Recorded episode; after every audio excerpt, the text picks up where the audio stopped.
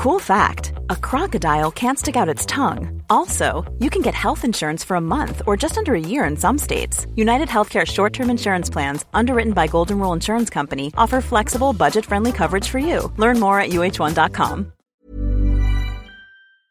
Hans Petter Co. presenteres av Check-in, sannsynligvis Norges beste påmelding og billettsystem som forenkler hverdagen for deg som arrangerer seminarer, konferanser og andre eventer. Les mer om Check-in på checkin.no slash Hans Petter.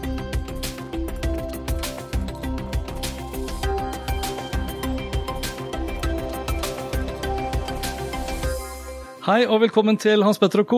I denne episoden skal det handle om trender, og da trender innen markedsføring, kommunikasjon og forbrukeratferd. Og i den anledning har jeg vært heldig å få besøk, eller vil si, jeg er på besøk, eh, og da hos Pål Furre i Dentsu Aegis, hvor han er toppsjef og har da det overordnede ansvaret for forretningsutvikling, oppkjøp og nordiske synergier. Iallfall hvis Denso Aegis sin nettside er oppdatert, og det antar jeg den er. Paul er kjent for mange og er en av Norges fremste trendanalytikere og en etterspurt tungvekter innen markedsstrategi og fremtidsorientering. Og I 2018 så ble Paul Fure tildelt Medieforums hederspris under mediekonferansen i Strømstad. Og helt i begynnelsen av 2019 så var vi begge to gjester hos God morgen Norge. Og da for å snakke om trender for fjoråret og hva som kommer da i 2019 og inn i 2020.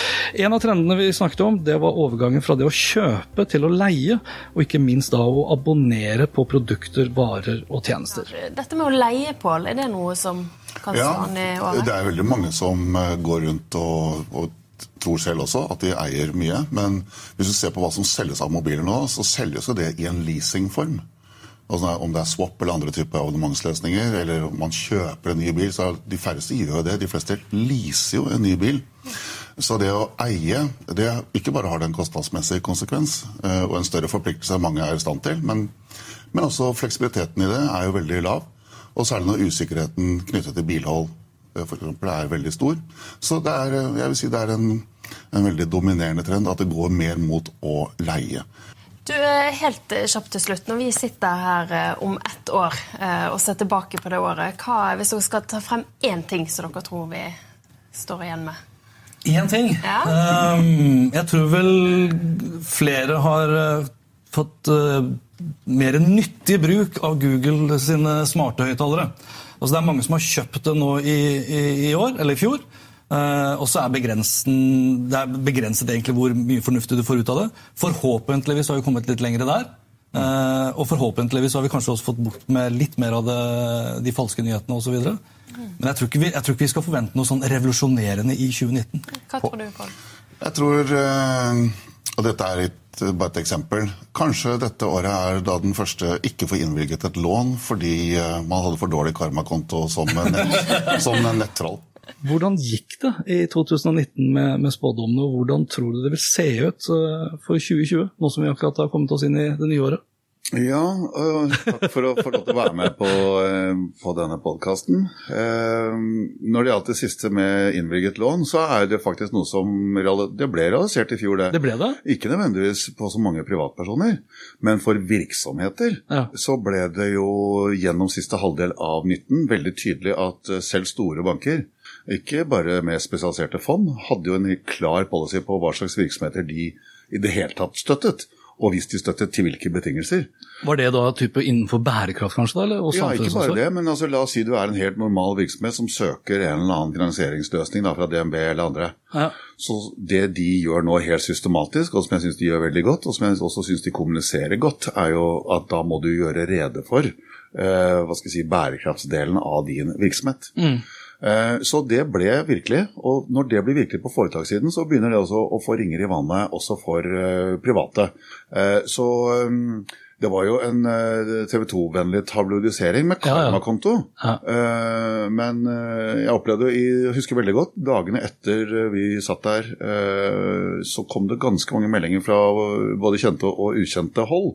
Uh, og noen, og som, uh, noen som heiet på dette, og noen som absolutt ikke ville ha noe av dette. Hvilket igjen bringer oss inn på det vi også snakket om, med denne polariseringen i ikke mediebildet. For det syns jeg blir sånn uansvarlig å bare si det, ja, men det er polarisering i mediebildet. Aha. Det er jo Det er polarisering i samfunnet? Jeg vil si at det er en økt konfliktvillighet i samfunnet. Så om det er en økt polarisering eller ikke, eller om, den bare, eller om meningsforskjellene rett og slett bare blir tatt eh, frem oftere, Ja. fordi folk er er villige til å ta konfliktene.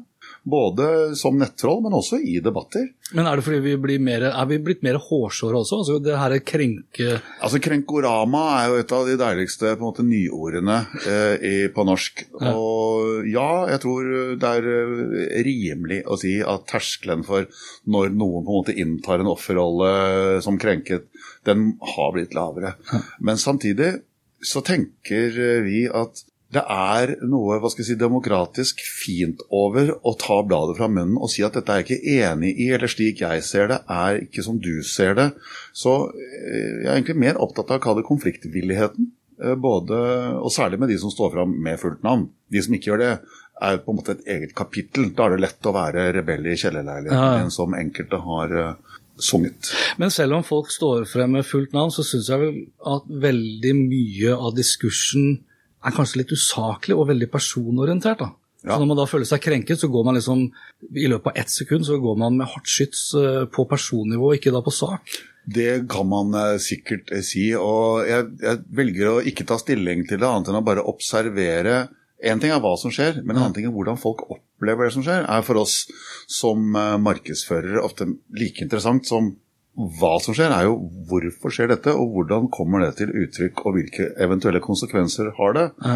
Og for å ta en av de andre tingene som vi også snakket om i fjor, som du nevnte, var jo da eh, disse åpne sosiale flatene hvor på en måte alt er i plenum, versus eh, diskusjoner på enkelte tråder, på enkelte vegger, eller for den saks skyld i mer lukkede grupper. Eh, der eh, der fikk vi i hvert fall rett. Ja, ja. Og hele liksom, broadcast versus liksom, narrowcast, at uh, hva du velger å kringkaste til alle versus hva du velger å dele med dine nærmeste, der er det en helt klar vridning. Både i altså sum av summarum, folk bruker mer tid på medier, mer tid på meldinger, som vi har snakket om, selv om kanskje ikke alle tenker på uh, hva skal jeg si, Messenger som meldinger. Det er en eller annen form for meldingstjeneste. Ja. Det er helt, og til og med i VIPS så er det jo ganske utbredt å bruke det som en meldingsplattform. Ja, er det det, eller? For det, Selv når du ikke på en måte har en transaksjon, bare fordi der har du jo på en måte ikke bare rett uh, nummer, du har faktisk et av de få stedene hvor du vet hele navnet. ja. ja, det har jo vært Og det sånn- ekte navnet. Ja, ikke sant? Det kjørte til og med Vips en reklame for ja, ja det er ganske gøyalt. Men har, ja, altså, akkurat når du sier meldingstjenester og VIPS, så, så er jo det noe jeg savnet at VIPS ikke egentlig har pushet noe særlig. For det, det ligger jo en slags sånn Facebook Messenger slash WeChat-strategi kanskje i VIPS. Altså med fare for å um, være utydelig på at jeg har en rådgiverrolle for VIPS, så er, jeg skal ikke snakke som helt uhildet eller, øh, eller uinnvidd, men øh, som du sier, det finnes funksjoner allerede nå i VIPS som, som er veldig fremtidsdyktig i forhold til hvordan ulike plattformer både kan og vil, og til og med kanskje bør utvikle seg. Eh, Det er veldig mange som ikke vet at du egentlig kan åpne en butikk i VIPS eh, allerede nå. Ja. eh, og selge dine tjenester eller eh, produkter bare der. Eh, sånn som man tenker ja, men det kan man gjøre på Amazon, og så vet folk ikke at man kan gjøre det på Finn heller. Eh, jo, man kan selge og kjøpe ting på Finn, men du kan faktisk åpne en butikk på en markedsplass som Finn. Ja. Og det kan du også i VIPS. Og det er jo apropos en av tingene du ønsker at vi skal prate om. Når det gjelder markedsføringstrender, så er jo skal si, kjernen i markedsføring er jo hvordan man jo bokstavelig talt fører produkter og tjenester til markedet. Det er ikke bare en kommunikativ side av det. Altså. Hvordan du fører budskap, det er jo kommunikasjon. Men hvordan man tilgjengeliggjør produkter og tjenester i et marked, er jo markedsføring. Og der skjer det jo vanvittig mye, både som enkelte får med seg, og som mange er lykkelig vitende om. eh, At det er plattformenes eh, tiår. Kan du si, men det begynte vel, i- det begynte vel i- på 10-tallet, da det gjorde det. Ja. Men 20-tallet kommer til å være plattformenes tiår når det gjelder markedsføring. Og det får helt eh, episke konsekvenser for veldig mange. Vi så jo i 2011 eh, så var Facebook den tredje største medieplattformen, kanalen hvis du vil, i Norge. Nå er den den største. Og det til tross for eh, mye av den transformasjonen, frivillig ufrivillig, som mediehusene kanskje har gått gjennom. Og siden vi er inne på akkurat det med VIPS, eh, jeg kom jo over VIPS-loggen via Natt og Dag. Eh, og det er liksom pussig, for jeg skrev en sak om det, og jeg snakket om det i en episode av podkasten også. Og på, på, Twitter så var liksom den, der, den generelle tilbakemeldingen jeg fikk på den artikkelen, det var personvernhelvete. Det var liksom bare negativt. På Facebook og på LinkedIn bare positivt. Ja. Men det sier litt om eh, hva skal vi si, modus operandi for eh, twittokratiet versus på en måte den generelle innstillingen når man bruker andre plattformer, da, som eh, f.eks. Facebook. Men er det, er det Facebook som, altså er det Facebook-brukerne tror du, som vet best, eller er det Twitter som ofte blir omtalt da, som en sånn type elitistisk Ja, Man kan godt si at det for det første er to veldig grunninnstillinger når du bruker det ene og andre mediet. Ja. Det er liksom sånn når du, når du slenger deg ned og skal se noe på TV, så er du mer easy going og tar takke meg mer enn hvis du aktivt oppsøker noe på YouTube, f.eks. Ja, riktig. Eh, så Det ene er grunninnstillingen, og det andre er jo hva slags måte, profil eh, de ivrigste brukerne har.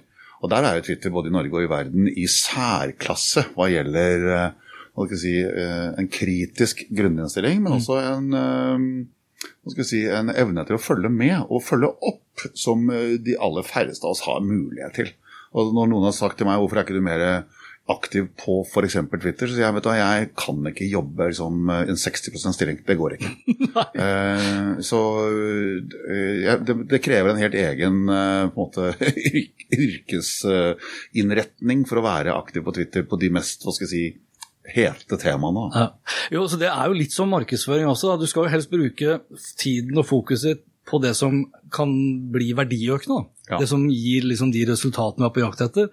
Og det er nok for veldig mange så er det kanskje ikke Twitter som mange får liksom den responsen de sånn sett da søker etter. Nei, men Twitter er interessant eh, på så mange måter, men eh, den kalde eh, den ekstremt smale og annerledes strategien de har i forhold til hva som hadde vært mulig, og for aksjonærene til og med ønskelig, vil jeg anta. Ja det å holde seg til den smale stien og samtidig si, klare seg nesten på tross av, eh, er eh, fascinerende. Mm. Og den definisjonsmakten som det mediet oppleves å ha i en del sektorer, eh, og den rollen det har f.eks. i en litt sånn hva skal jeg si, Mange tenker på som en litt sånn perifer arena, som sport. Tenker, ok, Twitter er jo kjempestor på sport. Ja, og eh, jeg syns det er fascinerende, og jeg syns det alltid er spennende å høre hva de tenker om fremtiden. Uh, og sånn sett tenker jeg at de er, uh, om de lykkes eller ikke i det lange løp, de er i hvert fall interessante å, å låne øre til. Ja, og så er jo vel Norge også litt annerledes enn veldig mange andre land. Vi er jo litt mer homogene. Det er litt sånn, du har et par sosiale nettverk som er virkelig store, og du har et par si, ja, eh, mobiltelefonleverandører som er virkelig store, og så har du alt det andre ruklet. Mens i USA for eksempel, så, så er det ikke like homogent. Nei. Og så er det vel også fortsatt slik at Twitter har en tendens til å være liksom der hvor nyhetene breakes, og så er det Facebook hvor, hvor det diskuteres. Mm. Vi fikk jo rett, som du sa. Eh, du fikk rett da på, på den eh, spådommen om karmakonto, bare ikke på privat nivå. Er du skuffet sjøl over hvordan det gikk med smarthøyttalerne? ja, der, der, har det vel på en måte vært preget av stillstand. Ja. Eh, selv om antallet eh, økte jo vesentlig gjennom fjoråret. Eh, og... Men hvor mye, tror du? Altså, det var ingen det var jo ingen elkjøper eller kompletter eller elektronikkforbund eller noen som helst som var ute og sa liksom, For det var jo spådd dette skulle være årets julegave. Og jeg har en sånn følelse av at når du ikke rapporterer om tall, ja. så er det en grunn til det. Ja, jeg sitter ikke på noen oppdaterte tall, Nei, men som vi også sa eh, i fjor ved inngangen til 19 eh, eh, Man trenger ikke være akkurat noen topptrend trendanalytiker for å vite noe om hvordan den type nyheter tas opp i en populasjon. Fra noe helt nytt, så man må kunne si at det, den produktkategorien representerte noe helt nytt. Ja fra noe introduseres, og da 2-3% i en populasjon tenker det er nytt, det er spennende, det skal jeg ha, de såkalte innovatørene, til adoptørene, de neste 10-12 tenker hm, det der er nytt og spennende, jeg lurer på hva jeg kan bruke det til. Altså, Som ikke bare er nytt og spennende, det skal jeg ha. Jeg lurer på hvordan det passer inn i livet mitt. Det er der måte, den første adopsjonen skjer. Det skjedde i 2019, som vi sa. Ja. Vi sa veldig tydelig majoriteten er ikke motiverte for denne kategorien i 2019. Og som regel så tar jo det spranget fra innovatør og adoptør over til majoriteten, det tar jo mellom tre og seks år. Og da har du ikke engang kommet til sen majoritet og til slutt til etternøler, som gjerne tar en ti-tolv år, litt avhengig av hvor mye dette produktet faktisk koster, og hvilken faktisk nytteverdi det oppleves å ha. Ja. En ting er koster som i innkjøpspris, en annen ting er koster som i hva skal jeg si, mentalt å omorganisere livet sitt. At nei, nå bruker jeg ikke vekkerklokke lenger, nå bruker jeg denne. Ja, nå bruker jeg ikke et tastesøk lenger, nå bruker jeg et stemmesøk. Altså det er en, det er en ganske vesentlig endring av atferd som skal til. Så, sånn som vi ser det, så er nok eh, overgangen 2021 og inn mot 2022, litt avhengig av hvordan dette utvikler seg, spesielt i bil. Eh, Som jo er en stor arena for eh, stemmesøk og det som egentlig ligger til grunn i teknologien her. da. Ja, da har du det sikkerhetsmessige aspektet i tillegg. Absolutt, og da kommer det noen do's and don'ts eh, som politiet sikkert kommer til å være ganske tydelige på at det kommer til å involvere noen prikker. ja. Men tror du det er språket som kanskje holder oss litt igjen? Altså, I USA så er jo adopteringen godt over 30 Ja. fra en eller annen aktør. Og så tror jeg vel kanskje adopteringen vil muligens nå akselerere litt etter hvert som dette chip-samarbeidet, altså som er da en sånn felles teknologi da, for de respektive smart eh, ikke bare smart-høyttalere, men smarthus. For det økosystemet Mm. Ja, ja. har jo vært veldig lukket. Nå skal det åpnes opp, og det kan jo bidra til sitt. Ja, og Det er nettopp sånne ting som er med på å gjøre kall det, majoriteten av oss mer interessert, istedenfor at man skal ha unike standarder for alle mulige slags småløsninger, da, som jo ender opp i et eller annet slags teknologisk eh, sammensurium Ja. til slutt, da, sånn som de fleste av oss ender opp med å se på det. Men ja, noe av det kommer til å bli viktig. Og språk er selvsagt viktig. Og for veldig mange av de som kjøpte tidlig, eh, har jo opplevd gang på gang at eh, assistenten ikke forstår hva du ber om. Og det er klart, når man har blitt skuffet gang på gang, så blir jo appetitten for eh, måte å drive denne atferden hjemme, den, den reduseres jo noe. Ja. Men det er jo som regel som eh, man sier, og det tror jeg helt sikkert kommer til å bli gjeldende her, det er lett å hype noe og overvurdere konsekvensene på kort sikt. Og så er det tilsvarende lett, og det er da det er viktig, å undervurdere konsekvensene på lang sikt. Riktig. Så den mellomfasen som vi går inn i nå, kan jo være preget av, liksom, av eh, tomhet. Før det om tre til fem år tenker at oi, den teknologien der som vi avfeide for noen år siden, litt sånn beacon-problematikk, da. Ja. Eh, Eller nettvarder, som det jo skulle hete på norsk. Ja, riktig. Eh, at det opp som en løve og ned som en skinnfell, og så virker det som dette var mislykka og var helt uaktuelt. Og så ser man ok, dette her ble faktisk veldig mye viktigere på områder som man ikke kunne forestille seg. Så et sånn eh, vennlig tips fra en dyrkdreven trendanalytiker. Ikke vær med på liksom, å hypen, eh, men registrer alle nye fenomener med stor appetitt og interesse. Og vær vel vitende om at det kommer ned i en sånn bølgedal før eventuelle store og viktige og spennende konsekvenser begynner å presentere seg. Men da kan vi jo gå til eh, Consumer Electronics Show. For det er jo virkelig et sånn hype-sted. Ja, det er jo et hypesirkus av Ja. en annen verden. Du var jo der. Jeg var der. Eh, og Hva jeg er- var ikke er- alene. nei. Jeg og 175 000 andre var der. Var det mange nordmenn forresten, eller vet du det? Eh, jeg vet ikke, og jeg har ikke sett noe anslag på det, men eh, man hører jo litt norsk, og man hører jo eh, litt nordisk for øvrig. Ja.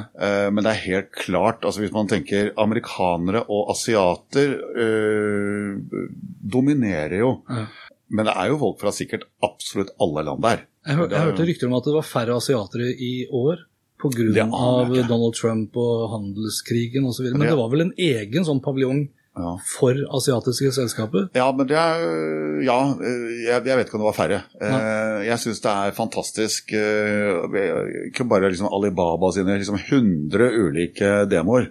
Eh, Eller andre på en måte store asiatiske som du ikke engang har hørt om, men som har liksom over 10 millioner brukere. Type. Altså det, det er, eh, CS uten en, en vesentlig asiatisk til- tilstedeværelse hadde vært mindre, langt mindre interessant. Eh, Både på kinos og på, på, måte på tradeshowet.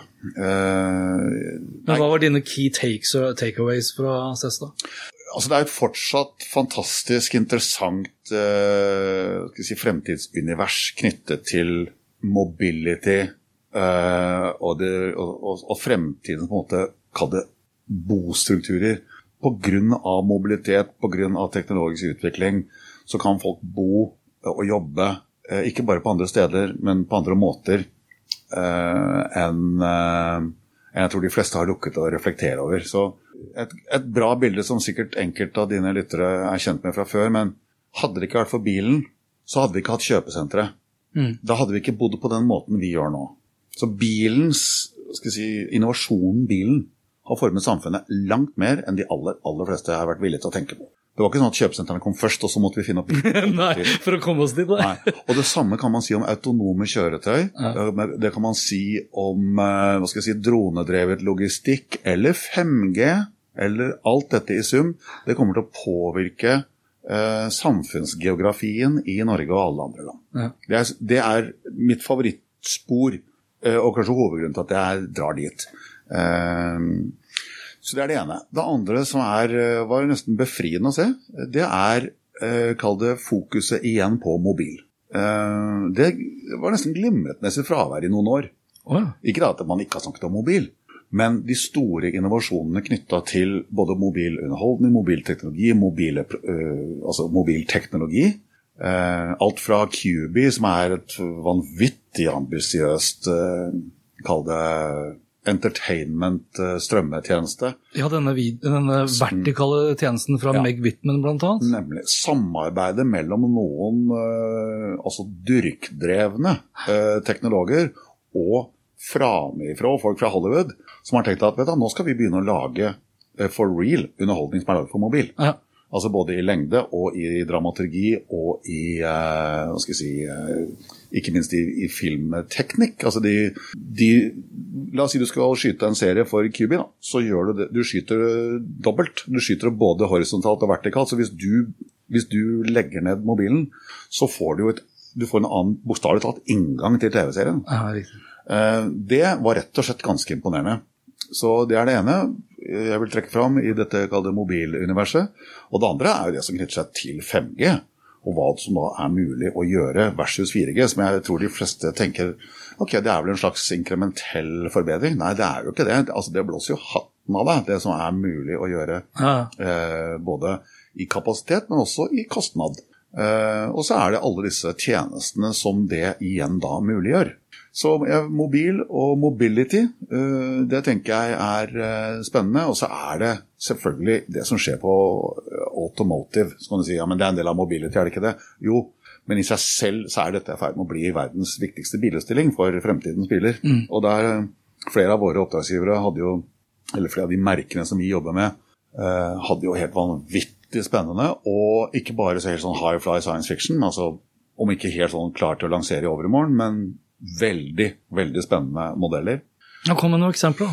Som, Vi skal få lov til å eh, hvis skryte man av dine tar, eh, Nei, hvis du tar noe som eh, jeg tror de aller fleste tenkte dette her er spennende, hvordan man da bruker hvordan man da bruker Du vet det som i moderne biler heter en heads up display. Du kan se liksom i vindusruta, så kan du se liksom kilometer i timen du kjører nå. Mm. Eh, Det trenger ikke bare være vindusruta, det. Det var eh, vel eh, Det var vel Audi, hvis, med fare for at jeg husker feil nå, som viste at det kan du jo Bare du holder hånda på et gitt sted, så får du display i hånda. Og hvis du lukker og åpner hånda, så kommer liksom neste melding. Hele hvordan man bruker bilen som display, både i form av underholdning for bakseter osv., men også for informasjon, både som trafikksikkerhetsmessig kritisk, men også nærmest som kunstnerisk dekor. Det var utrolig mye spennende på displayfronten. Og så var det selvfølgelig hele ideen om at bilen er i ferd med å bli et viktigere og viktigere sted eh, for dem som eh, på en måte bruker eh, slikt. Eh, og det mer og mer kalt sånn salongmessig, eller for den saks skyld uh, møteromsmessigheter i biler som du kanskje ikke verken kan eller vil eller bør kjøre selv, som er autonome. Sant? Så um, alt fra kinesiske Byton eh, til uh, ja, til hva het den, den, dro, den flyvende bilen til Det var vel Mitsubishi. som, ja, det er en fantastisk spennende paviljong. Men kanskje mest av alt for å vise eh, hva teknologien ikke bare muliggjør, men også hvor mye teknologi som kreves. Og ikke minst hva slags lovgivning som ja. er nødt til å komme. Og der, eh, Det er noe som glimrer med sitt fravær på CS. Bare alle, alle er veldig klar over at dette her må reguleres på et eller annet vis. Vi kan ikke ha en milliard droner i Oslo. Nei, og, og, også, en ting er jo en ting er regulering da sånn rent sikkerhetsmessig, og så er det jo, her kommer jo byplanlegging inn Ja. i tillegg, men støymessig også. Ja, det er uh, Jeg skjønner ikke hvordan uh, Nei, dette, her- er det så mange hva skal jeg si, uh, uønskede konsekvenser Ja. som man bare glemmer å prate om in the name of progress. Ja. Men det er spennende både fra et sånn produktdemoperspektiv, men også veldig spennende fra de som på en måte går liksom mer sånn akademisk til verks hva kan dette faktisk bety? Ja? I forhold til hvilke land kan nå plutselig bli mer toneangivende. eh, Som egentlig har mest å hente på dette, på samme måte som Sør-Korea den gang da bare bypassa hele konseptet desktop og gikk bare all in på mobil.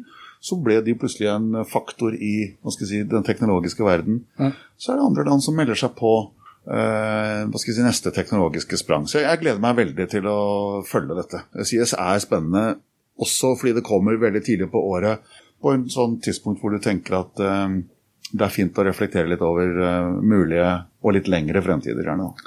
Sånn som din, eh, hvis vi kan kalle han kollega Kjell A. Nordstrøm, han kjenner du helt sikkert til. Ja. Han, han har jo snakket lenge eh, og i flere år om eh, disse superbyene. At det blir, liksom, det blir byer etter hvert og ikke land. Og etter hva jeg også har lest, så, så kan man jo se at jo mer teknologi eh, vi får, eh, desto flere flytter man inn til byene. Altså Det blir egentlig motsatt av altså bredbånd til alle, så skulle bevare distriktene. Nå har vi en distriktsminister som har ansvar for digitalisering. Det er litt motstridende egentlig, eller er det feil det jeg tar? Nei, jeg tror det er flere måter å se det på. Eh, Det ene er jo hva slags teknologisk infrastruktur kommer vi faktisk til å ha hvor. Ja. Og med et eh, langstrakt land som Norge, og med en eh, Selv om over halvparten i Norge bor i eller tilknyttet en by, så er det veldig mange som ikke gjør det. Ja. Eh, Og da er spørsmålet hva slags eh, teknologi skal Norge ta seg råd til å ha? Hey, I'm Ryan Reynolds. Recently, I asked Mint Mobile's legal team if big wireless companies are allowed to raise prices due to inflation. They said yes. And then when I asked if raising prices technically violates those onerous two year contracts, they said, What the f are you talking about, you insane Hollywood ass? F- So to recap, we're cutting the price of Mint Unlimited from $30 a month to just $15 a month. Give it a try at mintmobile.com slash switch. $45 upfront for three months plus taxes and fees. Promo rate for new customers for limited time. Unlimited more than 40 gigabytes per month. Slows. Full terms at mintmobile.com. Hey, it's Danny Pellegrino from Everything Iconic. Ready to upgrade your style game without blowing your budget? Check out Quince. They've got all the good stuff, shirts and polos, activewear and fine leather goods, all at 50 to 80% less than other high-end brands. And the best part? They're all about safe, ethical and responsible manufacturing. Get that luxury vibe without the luxury price tag. Hit up quince.com slash upgrade for free shipping and 365 day returns on your next order. That's quince.com slash upgrade. Eh, og der eh, kommer jo Norge fra en arv hvor på en måte alle skal ha lik tilgang, men da er spørsmålet hva er prislappen på det? Ja. Det blir sånn diskusjoner om skal, den broa til de fem personene, hvor mye skal den egentlig koste? Eh, og Da er ikke jeg politisk, men jeg bare registrerer at det er en debatt som stadig blir vanskeligere. Og det gjør nok at eh, i det korte løpet så vil byene ha et eh, hva skal jeg si, et overtak hva gjelder tilgang til teknologiske løsninger. I tillegg så er det mange aktører som ser seg nødt til å diskriminere på distribusjon. F.eks. hvis Amazon skulle funnet på å starte i Norge, så kommer ikke de til å liksom prioritere Stryn. Sant? Free Nei, sant. overnight delivery, eller en, så garantert på to timer. Eh, så det er jo mange som har spekulert i nettopp det som ser ut til å være et mønster, at Amazon går inn i land som har nå skal jeg si, eh, kostnadsmessige, levelige logistikknivåer. Ja. Og der ryker jo et par dalfører dalføre i Norge. Det er ganske mange, faktisk. Så eh, byene, eh, og da ikke alle, men de største byene kommer nok til å i det korte bildet ha en, eh, si, en, et forsprang hva Mm. gjelder hva som faktisk er reelt sett tilgjengelig. Altså Hele Norge skulle få bredbånd, det har vært en strategi nå i 20 år. Og hele Norge har jo fortsatt ikke fått bredbånd i form av fiber. Nei. Og 5G er, blir jo ikke billig, og i hvert fall ikke med de hastighetene som man eventuelt da ønsker. Så skal det rimelig mange basestasjoner opp, altså. Ja, og da er vi inne på kanskje et av eh, moderne tids større hva skal jeg si, infrastrukturelle, men også samfunnsmessig viktige problemstillinger da, i dette landet i årene som kommer. Ja. Det er hva, hva skal man ha, og hva koster det, og hvordan skal det finansieres. Ja. Og det svarer seg ikke opp selv. Nei. Men hvis vi, nå er vi jo inne litt på 5G. Eh, alle snakker jo nærmest om at 5G, IoT og kunstig intelligens skal, eh, revolusjonere allerede i 2020. Det, det kommer jo til å ta lengre tid, det er vi jo inne på nå. Altså, noen industrier vil kanskje komme i gang med 5G før vi som forbrukere kommer i gang. Men sånn i 2020 og kanskje de nærmeste årene, hvordan, hvordan ser dere i, i Dens og Egis på hvordan det vil påvirke f.eks. av markedsføring, kommunikasjon og ikke minst våre egne forbrukertrender? Eller forbrukeratferd, det er vel kanskje mer riktig å si. Ja, For å begynne med atferden, da. Um, og for å være sånn halvakademisk et lite øyeblikk her nå. Ja. Folk, tåler det. folk bytter atferd når de selv erkjenner at det de gjør, uh, ikke er optimalt i forhold til hva som reelt sett er et alternativ. Sånn, så hvis du har en atferd du selv tenker at jeg skulle ønske at dette her var enklere, men du ser faktisk ikke hva alternativet er, Ja. ja, men da byttes ikke atferd. Så dette er det som forsinker ganske mange kall adopsjonsprosesser eller endringsprosesser. At det reelle alternativet er ikke der. Eh, Så da er spørsmålet introduksjonen av 5G, ikke sant, piloten på Lillestrøm osv. osv. Hva slags nye eh, løsninger vil bli tilgjengelig innenfor hvilke områder? Og da har jo ofte teknologisektoren et fokus på der hvor, der hvor innovasjon er eh, spennende, og der hvor innovasjon er mulig. Og ikke nødvendigvis der hvor behovet for eh, si, litt mer sånn prosaiske løsninger som er bedre, eh, er størst. Når det er sagt, jeg forstår det veldig godt, for det er jo sånn på en måte innovasjon ofte Det er sånn den iboende logikken. Eh, At du tar mest tak i hva som er mulig, og så prøver du bare det med hva som er ønskelig. Fra teknologisk innovasjon så er det jo sånn. Innovasjonene kommer lenge før du vet f.eks. den ballen til Samsung som driver følger følger deg når det går. Så tenker du hva er vitsen med den egentlig? Nei, det veit vi ikke. Men det er jo spennende at man har klart å finne opp en teknologi som gjør det. Og så går det noen år, og så er det noen som tenker vet du den teknologien kan jeg bruke til det. Og så kommer det en annen løsning som folk tenker hm, det var lurt, det var ingen som har tenkt på. Men kan det også være at de, de innoverer i en retning eh, som gir tilstrekkelig medieinteresse og forbrukerinteresse, mens majoriteten kanskje av gevinsten da, kanskje er innenfor helsesektoren eller en helt annen sektor som ikke vi tenker på? Ja, og sånn er det ofte. Så hvis man tenker forbrukeratferd, man vil tenke Hvis 5G betyr at man får enda mer eh, data Ja. til en lavere pris, ja, men da vil jo folk tenke more for less. I'm in. Hvis det blir en kostnadsdriver som gjør at nå kan du få 5G, det koster bare 10% mer, så tenker folk vet du jeg har det egentlig ganske bra som jeg har det. Ja.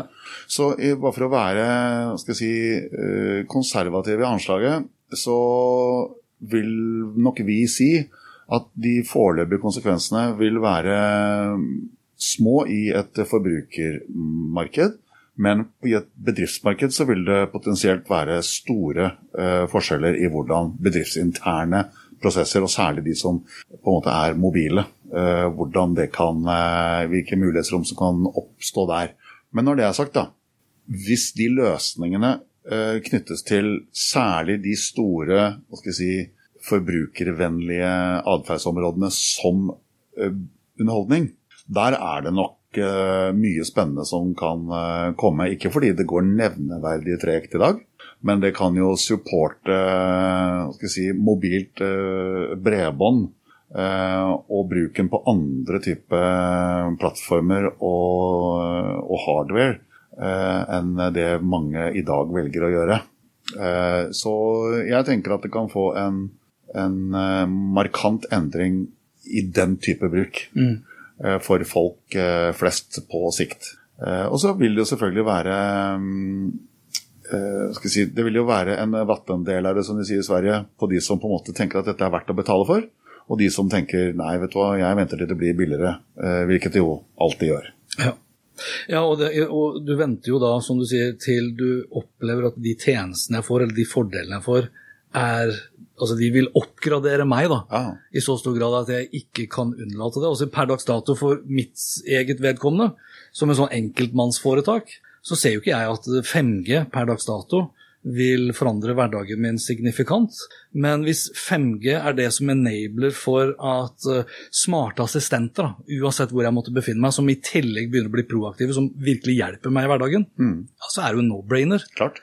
Altså Kombinasjonen av smarthusteknologi og wearables eh, og mobilteknologi Ja. det er klart, vil jo få altså gå inn et nytt kapittel med 5G. Eh, Men igjen, da. Folk vil se an løsningene versus kostnadsnivået. kostnadsnivå. Ja. Folk flest får ikke noe mer penger av at 5G kommer. Det er merkelig. Nei. Ja. Ja, det eneste vi kan trøste oss med, antageligvis er vel at med 5G så, så får vi vel med stor sannsynlighet eh, ubegrensa med datapakker. Altså du betaler for et abonnement. Ja. For, for det går, kommer til å gå så mye data. Ja, jeg tror folk kommer til å bli veldig skuffa hvis ikke 5G representerer more for same eller more for less. Ja, ja ikke sant. Eh, men hva med, hva med, markedsføring og kommunikasjon i 2020? Noen signifikante endringer der, eller blir det sånn Du sa jo plattform i stad, da. Ja, plattformøkonomien eh, er eh, veldig, veldig sentral. Og det er tidlig. Ja. Men, altså, det er ikke sånn at det er nybegynner, men det er, et, det, det er vesentlig, et vesentlig utviklingstrekk. Når det gjelder de kjøpte medienes relative andel av reklamemarkedet i Norge, mm. så er jo det litt avhengig av hvem som teller, og når man teller, eh, så er det enten eh, stagnert eller redusert. Så kan man si, Betyr det at eh, det er mindre reklame i Norge? Nei, langt ifra. Mm. Men det er de kjøpte, altså den klassiske reklameformaten, at vi eller andre kjøper eh, så og så mye TV-eksponeringer for eh, en kunde for at du skal se det når du ser på TV. Eh, veldig mange av markedsinvesteringene nå gjøres jo i noe som selvfølgelig har med markedsføring å gjøre, men som eh, sånn, virkemiddelmessig er litt perifert.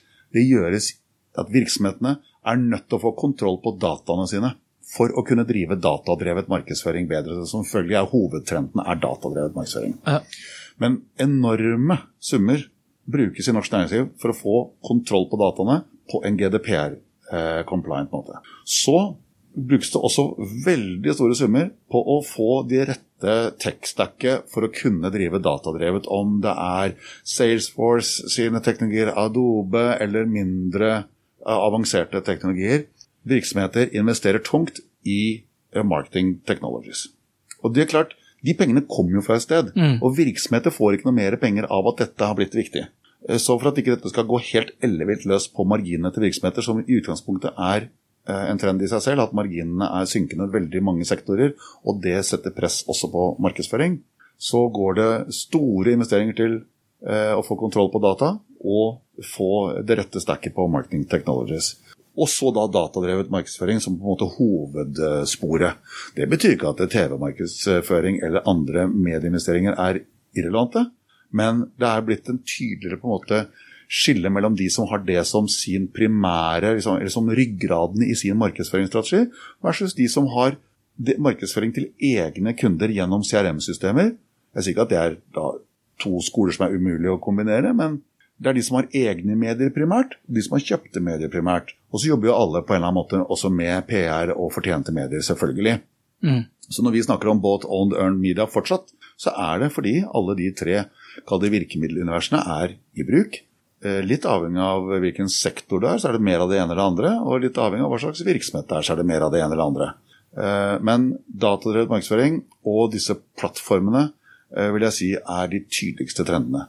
Også fordi en del av hva skal jeg si, devicene er såpass små som mobiltelefonene tross alt er, så er det behov for å tenke nytt hva gjelder hva engasjerer. Det betyr ikke at det, man slapp billig unna med det før, med store TV-skjermer eller fantastiske kinolerreter. Altså, det er ikke noe lettere å kommunisere der, snarere tvert imot.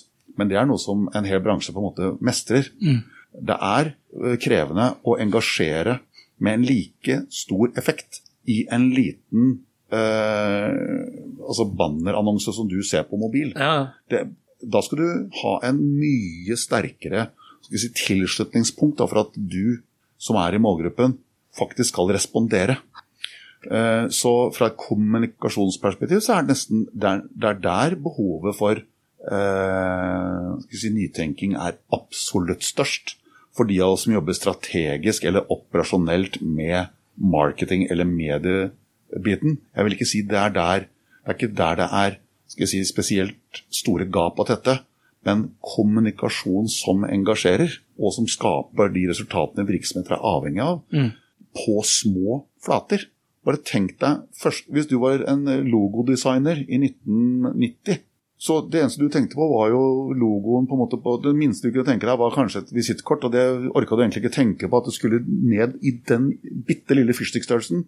Og nå er du langt under den ja, på mobil. Så bare en logodesign i seg selv er jo blitt en veldig krevende eh, disiplin i moderne marketing. Ja. Og så kommer det til ja, hvor mange bokstaver har jeg egentlig plass til før jeg må liksom ned i Times Sex-punkt. og sånn det kommuniserer. Så det praktiske eh, hva gjelder kommunikasjon, og ikke minst det idémessig kreative, er eh, de som mestrer det, de har fremtiden foran seg. Hva tenker du om lyd, altså, siden du snakker om logo? Så, flere snakker jo også om lydlogoer, noe som kaller lyden er i ferd med å få en re- renessanse med podkast bl.a. Ja, helt klart. Men lyd er eh, viktigere og vanskeligere, fordi veldig mye av det som også skjer på mobil, er jo da uten lyd. Ja. Som gjør at man må begynne å tenke hvordan blir denne kommunikasjonen her uten lyd? Det er jo noe man egentlig ikke har tenkt, trengt å forestille seg så mye før. Og så har du som sier de rene eh, på en måte audiokanalene, som eh, voldsomt fremvoksende og gledelig er det eh, podkast er. Podkast er jo et univers som er ganske si, dårlig organisert sett fra et sånn marketingperspektiv. Ja. Du har liksom ikke klare portaler à Netflix eller HBO. Du har liksom ikke, det er, hvis du skal på en måte Marketing at scale eh, er litt mer puslespill enn kanskje fremtiden kommer til å kreve. Men når det er sagt, eh, lyden av en merkevare eh, ikke nødvendigvis i form av et musikalsk eh, mesterverk, men avsenderidentitet er jo sentralt i markedsføring. Det hjelper ikke å skjønne at ja, men det der var et kjempebra forslag, jeg bare husker ikke hvem det var, så jeg går og kjøper det hos en som faktisk ikke sto bak reklamen. Det er jo ikke det på en måte reklame bør handle om. Nei. Å bjuda på for konkurrenten, det er ikke det man skal drive med. Men det er klart, lyden av en merkevare, eller i hvert fall signaturen i eller gjenkjenneligheten av, er stadig eh, vanskeligere og ikke minst viktigere eh, når man da skal mestre det visuelle på store og på små. Man skal mestre med og uten lyd på store og på små. Så det er klart, da skal det skal være noen bærende elementer som sikrer at målgruppen skjønner at det faktisk er du som står bak, og det er du som har dette fantastiske å by på. Eh, Så hvis man sorterer marketing, kommunikasjon og media, så vil jeg si at det er de kommunikasjonsfaglige realitetene, det er, eh, det er vrient. Og for de som spesialiserer seg på det, så er det klart det er en stor og viktig jobb. Eh, For det å føre et budskap fram til en målgruppe som enten har vist en interesse eller, eller burde være interessert i noe sånn, det, det har vi kontroll på. Men det hva det er som engasjerer, og hvordan det skal spille seg ut, eh, blir stadig mer krevende. Ja, for det, det, blir jo, det blir jo mer og mer komplekst. Altså Det å nå frem nå i dag i en sånn altså podkast på samme måte som veldig mange andre kanaler, så er det jo en, et resultat eller en konsekvens av en hverdag hvor vi som mottakere sitter egentlig med mye større makt, da, hvis du vil. Altså sånn on demand. Vi vil jo ha alt på våre premisser. Så den generelle markedsføring hvor jeg kan pushe mitt budskap, versus da pulle, som vi kanskje kan kalle det, det, det krever jo sitt også. Og du var jo inne på det her med datadrevet. Og nå jobber jo, Jeg vil tippe dere jobber ganske med mange store. Ja. Min, er, min opplevelse når det kommer til GDPR, eh, er, er ikke det du sier. Det er nesten sånn at man bruker nærmest GDPR som en unnskyldning på at man ikke kan liksom skape bedre brukeropplevelser eller skaffe seg god nok innsikt for å gi kunden, brukerne, det de vil ha. Mens de store de ser jo ikke noen annen utvei. Det er litt sånn barken mellom Ja. barken og veden på veldig mange norske bedrifter i dag. Ja, det er det. Og her, og dette vet vi både fra undersøkelser vi gjør i Norge, men også på kryss og tvers av eh, mange land. Ja. Dette er jo moderne marketings store dilemma.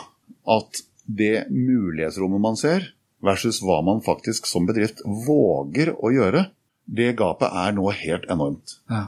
Uh, og nå på fredag så hadde vi det vi kaller vårt nyttårsmøte, hvor vi samler alle 326 ansatte til å oppsummere fjoråret og snakke litt om hva vi forventer i år. Og hadde flere av våre viktigste oppdragsgivere på besøk for å fortelle hva de tenker på, hva de syns er vanskelig. Eh, og der ble det tatt opp igjen at altså, bøtene eh, som eh, på en måte knyttes til en data breach eller annet på en måte som eh, det regulativet eh, fokuserer på eh, for store virksomheter, 4% av en omsetning, er altså så vanvittig risikabelt. Og hadde alt vært krystallklart, så hadde man fortsatt syntes det var vanskelig, men antageligvis klart å navigere. Men også i Norge så er det så mye som er uavklart, og det er for vår del også, som driver innenfor veldig mange ulike marketingdisipliner, så er det rett og slett en kjempeutfordring på våre oppdragsgiveres vegne at det er en del, ikke bare fortolkninger av regulativet, men altså rett og slett avklaringer mellom ulike eh, jeg si, interessenter som egentlig har samme motiv. da, Mm. Om at dette skal vi forholde oss til. Eh, Så det er et lovverk som Det er- kan hemme ja, som er i fraværet av uh, operasjonalisering på en del kritiske punkter, så blir det til handlingslammelse. ja. Uh, og det er ikke før en ganske vesentlig del av denne si, operasjonaliseringen er på plass, at brukeropplevelsene igjen vil bli enda bedre, fordi man faktisk vet at dette kan vi gjøre. Men tror du det er altså, for Vi snakker jo om veldig mye om kundeopplevelser, kundereiser, brukeropplevelser, UI, UX osv. Og nå har vi jo aldri hatt så mye teknologi og aldri hatt så mange muligheter egentlig til å skreddersy og eh, skape en god kundeopplevelse. Men opplevelsen min er jo nærmest at eh, de blir dårligere. Ja, jeg så en eh, video her om dagen som var veldig gøy, som en eller annen posta, med en sånn mus som skal prøve å finne fram en sånn labyrint. Og kommer, som man gjør i labyrinter, til endeløse antall med blindveier. Og ender opp med å liksom gå over vegger og sånn. Og det var da et forsøksvis eh, bilde på moderne eh, si, brukeropplevelse. Ja. Og det er betimelig. Og igjen, da, på CS, hvis du ser de asiatiske virksomhetene som er helt vanvittig fokuserte på den ultimate friksjonsfrie kundeopplevelsen, og som ikke har et GDPR-rammeverk. Ja. Ok, det er et par-tre løsninger der som er ganske smidige, men som jeg tror mange av oss ville tenkt ok, til hvilken kostnad kommer det egentlig i eh, forhold til privacy? Ja. Men allikevel, brukeropplevelsen er vanvittig sømløs og god. Eh, Så det er på den ene siden, og så har du da et veldig lovlydig Norge på den andre siden, som kanskje er blant de mest lovlydige som finnes på hele planeten. Som gjør at de vet hva som ville vært optimalt, og vi har planlagt for det. Eh, Og det finnes jo, som du sier, interaksjonsdesignere og brukeropplevelsesdesignere her som alle andre steder, som vet utmerket godt hva som burde vært realitetene, men som ikke kan realiseres før eh, både bedriftsinterne rutiner, men også forståelse og avklaringer i regulativet er på plass. Så jeg tror mange deler din oppfatning at dette skulle blitt bedre, og så kom GDPR, og så ble det stivbent. Hvor, eh, hvor eh, gode syns du forbruker altså forbru, Vi snakker jo ofte om, om tre, endring, og vi ønsker jo egentlig ikke å endre oss. Eh, Alle sier jo det, vi, alle vil endre seg, men ingen vil ha endring etc. For alle vil ha det bedre. Nå er det jo, sånn, nå er det jo mange diskusjoner nå, bl.a. på Facebook, hvor ja, man oppfordrer til å boikotte Coop for de med selvbet, eller har kommet med selvbetjente løsninger osv. Og så har vi glemt kanskje hvor mange bankfilialer vi hadde, og hvor mange videoshopper. Det er liksom sånn, Historien har en tendens til å repetere seg. Er det bare noe vi må regne med, og så går det over liksom, når man ser nytteverdien? eller hva? Jeg tenker at det er helt logisk at folk er betenkte. Ja. Uh, og i høst, var det vel, så delte vi en undersøkelse vi har gjort i mange land, deriblant Norge, som vi kaller The Digital Society Index. Uh, der konkluderer vi veldig tydelig med at Norge, hvis vi skal si at vi har et kollektivt ansvar, alle sammen, har feilet i å si hva det faktisk er som blir bedre, og som folk øh, har grunn til å tro på, med digitalisering. Det som Norge helt åpenbart har lykkes veldig godt med, det er å skape en øh, usikkerhet, eller for den saks skyld, en redsel når det gjelder fremtiden, knytta til digitalisering. Robotene kommer, følgende yrker kommer til å blir lagt ned. Den kommunikasjonen er jo majoriteten av fremtidskommunikasjonen i i mediene. Ja. Eh, Selvbetjente kasser. Folk, altså, med andre ord, folk tenker da kommer jo de fire på min meny til å miste jobben. Ja. Eh, vårt råd er og har vært og kommer til å være at for den type virksomheter som omfavner virksomheten begjærlig og kjærlig, fortsett med det, men si hva som faktisk blir bedre med det. Fordi som regel så er det eh, si, en, eh, en historie som ikke er fortalt. At de fire som nå sitter i kassa, vil eh, gjøre eh, for dem kanskje enda mer spennende ting, eller like spennende ting, som betaler det samme eller mer, hva vet jeg. Og så er det ikke sikkert at det er sånn som vil gjelde alle virksomheter. Det kan være at noen automatiserer alt, og at alle ansatte blir satt på porten. Og Da skal man ikke på en måte parfymere den virkeligheten. Nei. Men det som er helt åpenbart i den undersøkelsen, eh, og jeg kommer til å eh, publisere mer av dette nærmere neste Arendalsuke, for da kommer vi til å gjøre en oppfølging på dette for å se hvordan dette spiller seg ut. og Da er jo Arendalsuka en grei arena for å få den diskusjonen. Så denne fremtiden er ikke farlig, heia fremtiden, eh, la AI og robotene på en måte komme. Mm.